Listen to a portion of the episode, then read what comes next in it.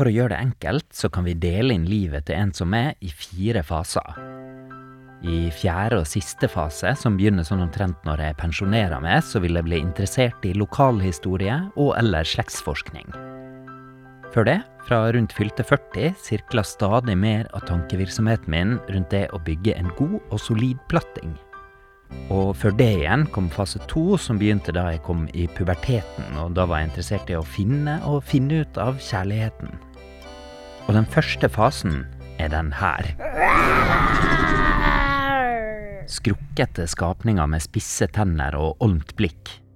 Mystiske og nærmest mytiske dyr som man nå stort sett ser i grønne og oransje miniatyrutgaver laga av plast. Dinosaurer. Lekebutikkene har mange andre skapninger også. Drager, transformers, zombier.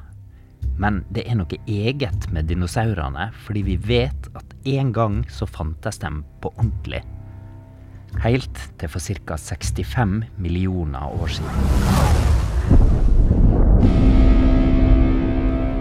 Jeg heter Eivind, og er bekymra for framtida.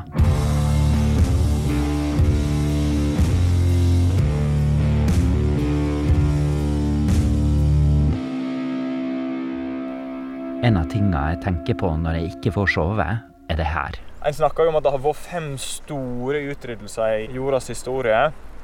Den siste, den femte, da var for 65 millioner år siden. Det var meteoren som traff jorda og tok livet av dinosaurene og stort sett alt annet liv. Og nå er vi inne i den sjette. Den sjette masseutryddelsen. Jeg tenker på hvilke av skapningene som lever og puster i dag, som bare vil eksistere som leketøy i framtida. Vi utrydder arter faktisk like fort som den meteoren som traff jorda. Eh, Det ryker i snitt opptil 200 arter hver eneste dag. Mennesket er i ferd med å fortrenge naturen. Hvis vi skal snu det her, så må vi tenke på en annen måte. Og her er en av dem som jobber med det.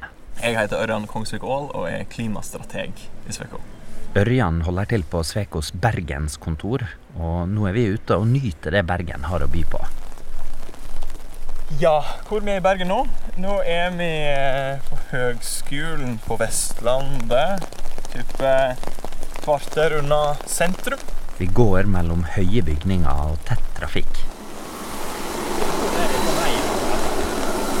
Skal Solheimsvatnet.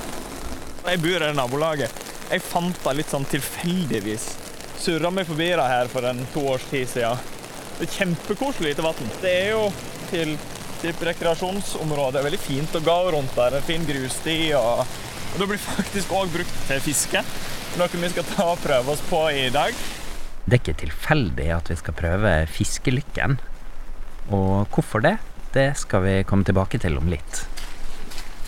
Her kommer vi til vannet. Det er ikke veldig stort. Nei, det er ikke et stort vann, men eh, det er akkurat stort nok. Det er litt sånn trolsk tåke oppe i fjellsida her. Drittvær som vi har i Bergen. Jeg tror det var et vak. Ørjan begynner å gjøre klar fiskestanga. Det er ikke bare han og jeg som er på tur, vi har med oss en til. Hei, Karl Magnus. Hei sann. Du er den som eh, driver med å bygge ting og løse problemer som eh, vi har påført oss sjøl. Ja, det kan du jo si. Carl Magnus Forberg Eikeland er landskapsarkitekt i Sveko. Er du eh, glad i å fiske? Ikke veldig. Men eh, som vi skal komme tilbake til litt seinere, så er du en av de sikkert ganske få i Bergen som jobber fulltid med fisk. Ja, jobber fulltid med tilrettelegging for fisk. Fisken må eh, bestemme selv om hun vil like det vi bygger. I tillegg til å tilrettelegge for fisk, jobber han med å lure den. Du kan si at han tar det med å bygge platting et langt skritt videre. Mer om det snart. Hva sluk er det vi har valgt nå? Dette her er jo en sånn kobber og rød, en sånn en favorittsluk. Så um, dette her er litt sånn å fiske i blinde. Bra kast. Vet nok? Vi er egentlig ikke ute og rusler i Bergen for å fiske, men for å snakke om det biologiske mangfoldet og hvordan vi mennesker har påvirka det. Hva er det som forsvinner, f.eks.? Men det er, det er jo alt over hele næringskjeda, fra bitte små, bitte små organismer til store dyr. Vi er veldig flinke til å ta store dyr. Før i tida så var- hadde jo verden en megafauna. Eh, type kjempedovendyr og mammuter og den gjengen der. De har vi f.eks. tatt. I Norge står ca. 4000 på rødlista over utrydningstrua arter. Et par hundre av de er så utrydningstrua at de kan en forvente at har forsvunnet i løpet av de neste ti år. Kommer det på eksempler på det? Trompetsoppen, eksempel.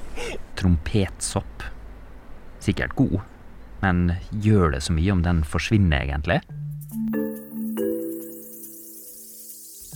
Vi må snakke litt om det her med biologisk mangfold, for det har flere sider. En av dem er hva vi kan få ut av enkeltarter. Eksempelvis kreftmedisin. da. Eh, mesteparten av utvikla kreftmedisin den er basert på fra, fra 50-tallet. Så har han da tatt og sett hva type motstandsstoff planter har mot soppinfeksjon, som er et stort problem for planter. Og så har en sett da at en kan ta de prosessene og så kan en fintune dem litt, og så er det plutselig kreftmedisin.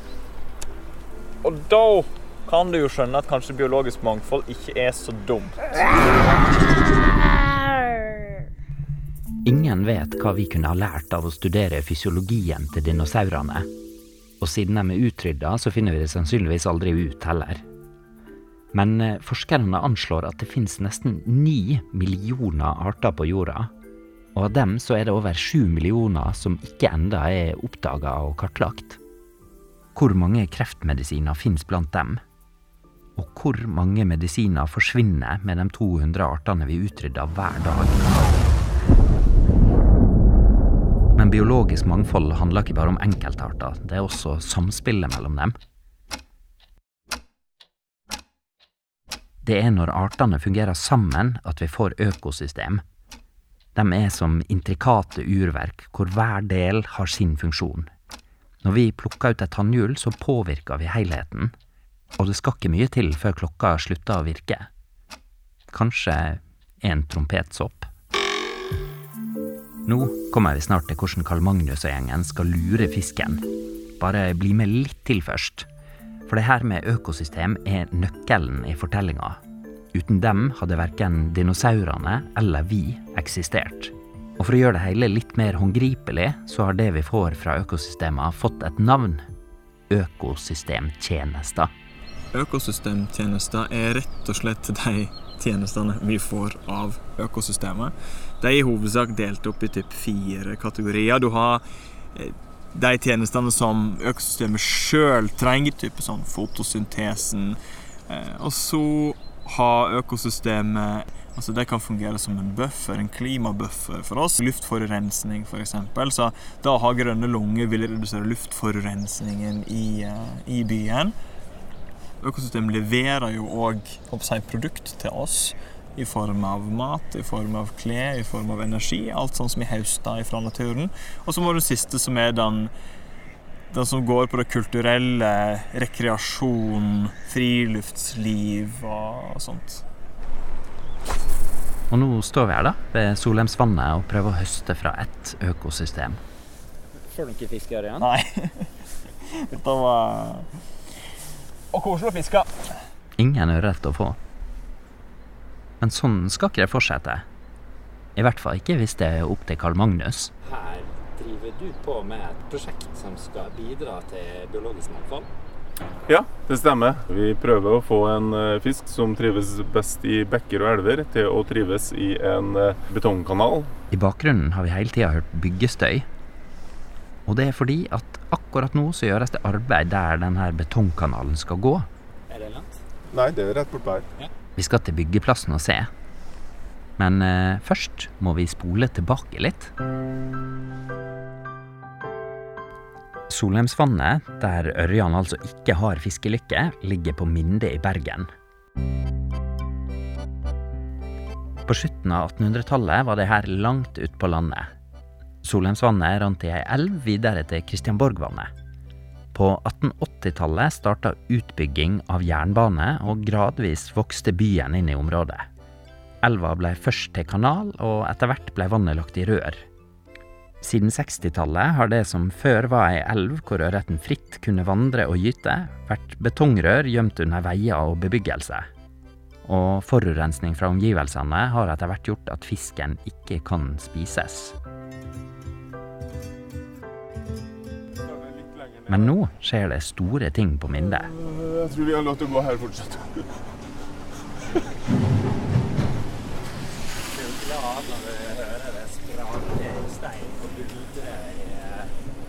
Jeg, jeg må si jeg blir litt mer glad når det sildrer i vann etterpå. Den nye kanalen er en del av et større prosjekt. Som da er å utvikle hele det her området Mindemyren til å bli da Mindebyen. Mindebyen skal få ca. 6000 innbyggere og 20 000 arbeidsplasser. Og samtidig som folk tar i bruk området, skal også naturen flytte inn. Bl.a. gjennom det helt unike prosjektet Carl Magnus jobber med, som, hvis det lykkes, lover godt for muligheten for at by og biologisk mangfold kan eksistere side om side. Det vi ser nå, er en diger byggeplass eh, og en stor betongkonstruksjon som går langsetter da gamle kanalveien. Det er da den kanalen og kulverten. Et kjempelangt badekar. Er Byggverket ser ut som en slags flat bobbane. Men det er altså her Karl Magnus, sammen med bl.a. biologkollegaene i Sveko, har tenkt å bygge opp et økosystem fra grunnen. Ja, da graves det et digert høl. Eh, Så eh, legges det ned veldig mye stein for å fundamentere, for det her er jo mindre myren. Og så støyper vi da denne kanalen på topp. Når vi da har støpt, eh, støpt da selve den øvre kanalen, så begynner vi å fylle den med elvesingel, grovere i bunn og og finere og finere oppover. Så har vi også natursteinsmurer og natursteinsplastring. Over vannlinja så beplanter vi med både litt stedegne og litt ikke-stedegne planter. F.eks. vier og sånne ting, som vil fungere som skjul, bl.a. for ørreten. Og som mat til maten til maten til ørreten. Dere vil at det skal oppføre seg som om det var ei elv? Ja, det må det. For ellers så kommer ikke ørret. Drift og vedlikehold gjø- gjøres på en sånn måte at vi får naturlige planter, innvandrende fra Solheimsvatnet og sånn, til å vokse opp da under vann. Så under vann så planter vi ingenting. Målet er altså å få ørreten til å vandre helt fra sjøen og opp til Solheimsvannet. Det ligger nok av utfordringer i å få det nye økosystemet til å fungere. Men i tillegg har de laga seg en ekstra utfordring. For mens den opprinnelige elva rant omtrent tre meter nedenfor det som er gatenivået, så skal den nye kanalen renne i kant med veien, fordi det er både penere og tryggere. Men det betyr at når ørreten kommer til toppen av kanalen, så er det tre meter ned til Solheimsvannet.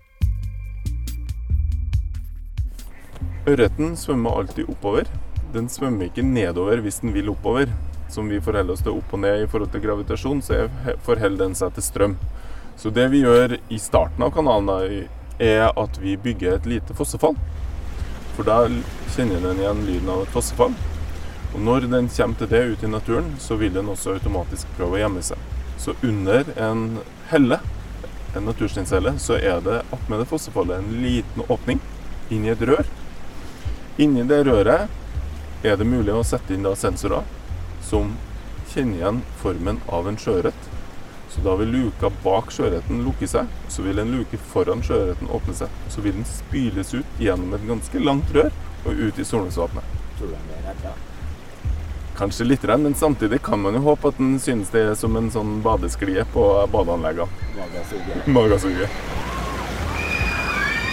Man kan jo spørre seg er ikke det her mye styr for å få noen stakkars ørret til Solheimsvannet, og kanskje gi ørjene litt bedre fiskelykke? Ja Em, Ørreten er viktig, ikke bare fordi at ørreten er en Det blir jo en gevinst å få en ørret opp en be- betongkanal. Det blir jo kjempestilig. Det i seg sjøl er jo egentlig nok, men i tillegg så er ørreten det vi kan kalle en økologisk indikatorart. Det betyr at hvis ørreten trives, så trives alt sammen som er under ørreten i næringskjeden. Og det betyr at du har et system her som fungerer. Ørjan er enig, Jo, det, det er jo da. men med et litt annet perspektiv. Det er masse styr, men av og til så må en kanskje styre litt for å få noe igjen. Og vi har styrt ganske mye for at det ikke skal være fint mulig for ørn å være så da kan vi kanskje betale litt tilbake. Hvis vi zoomer ut, hva får eh, Vindemyrens eller Bergens eller Norges befolkning igjen for sånne prosjekt som det her? I dette tilfellet så får vi både det at vi får, et, vi får en veldig fin kanal. Du vil også få se at det er mulig å bygge nettopp kompliserte biologiske systemer midt i en by, midt i betong. Og Det i seg sjøl er en eh, seier for, for, oss og for den utviklinga, at det, den går i riktig retning. Det er rett og slett en mulighet til å bringe naturen tilbake inn i byen. Og det er noe Sveko gjør på flere områder. I Bergen så finnes det en strategi for å plante bytrær. Hvor det da er foreslått å plante mange mange hundre trær inn i gatene i Bergenhus bydel. Det høres litt enkelt ut. Da kan du bare liksom ta og krafse litt i jorda, og så setter du ned et tre, og så har du tatt en parkeringsplass eller noe. Men det er ganske kompliserte greier også det, dessverre. I en by så er det jo fryktelig mye i bakken. De gatene eh, som vi går i, de er full av rør og ledninger. Så nå holder vi på å lage en overordna beplantingsplan der eh, går vi nå inn og har sett på alle gatene i hele bydelen for å se etter om det vi skal inn der og plante gatetrær. Trær i by er bra på mange måter. Det holder på jorda, reduserer fare for flom, hindrer brann osv. Og så er det én ting til. Det er jo bevist da at å være i natur er en positiv helseeffekt. Eh, forskere har vel funnet at i, hvis du er i snitt 20-30 minutter ute i naturen, ikke bare ute, en to-tre ganger i veka, så vil da redusere stresshormonet i kroppen. Og du vil ikke ha det bedre. Så for din egen helse, da, så kan du tenke at biodiversitet er viktig. Og bare å ha et tre utafor vinduet gjør en forskjell. Det kan bidra til å gi meg roa og helsa som gjør at jeg når jeg runder neste sving, har overskudd til å sette meg inn i eget slektstre med kraft og inderlighet. Nå blir jo byene så store at hvis du har naturen utafor, sånn som Oslo, så er det jo faktisk et godt stykke å komme seg til den naturen. Det tar en god del tid av din hverdag å komme seg til Nordmarka eller opp i fjellene. Så nå har vi jo begynt å implementere mye mer natur eller plante- dyreliv inn igjen i byene om det biologiske mangfoldet kan komme tilbake. Eh, så vi nå, eh, ganske kort tid etter eh, koronanedstengingen globalt, at det tok ikke mange dagene før dyr var tilbake i gatene. Der Altså, får de en mulighet, da, så, så utnytter de seg av den. Så, så, jeg vil jo tro at de legger ut rette for sjøauren eller eller andre dyr i naturen på en rett måte, så, så skal det ikke være noe problem å få det tilbake sånn sett. Eh, og da er det å plante tre i byen og tilrettelegge for aure i bekken, det er en begynnelse.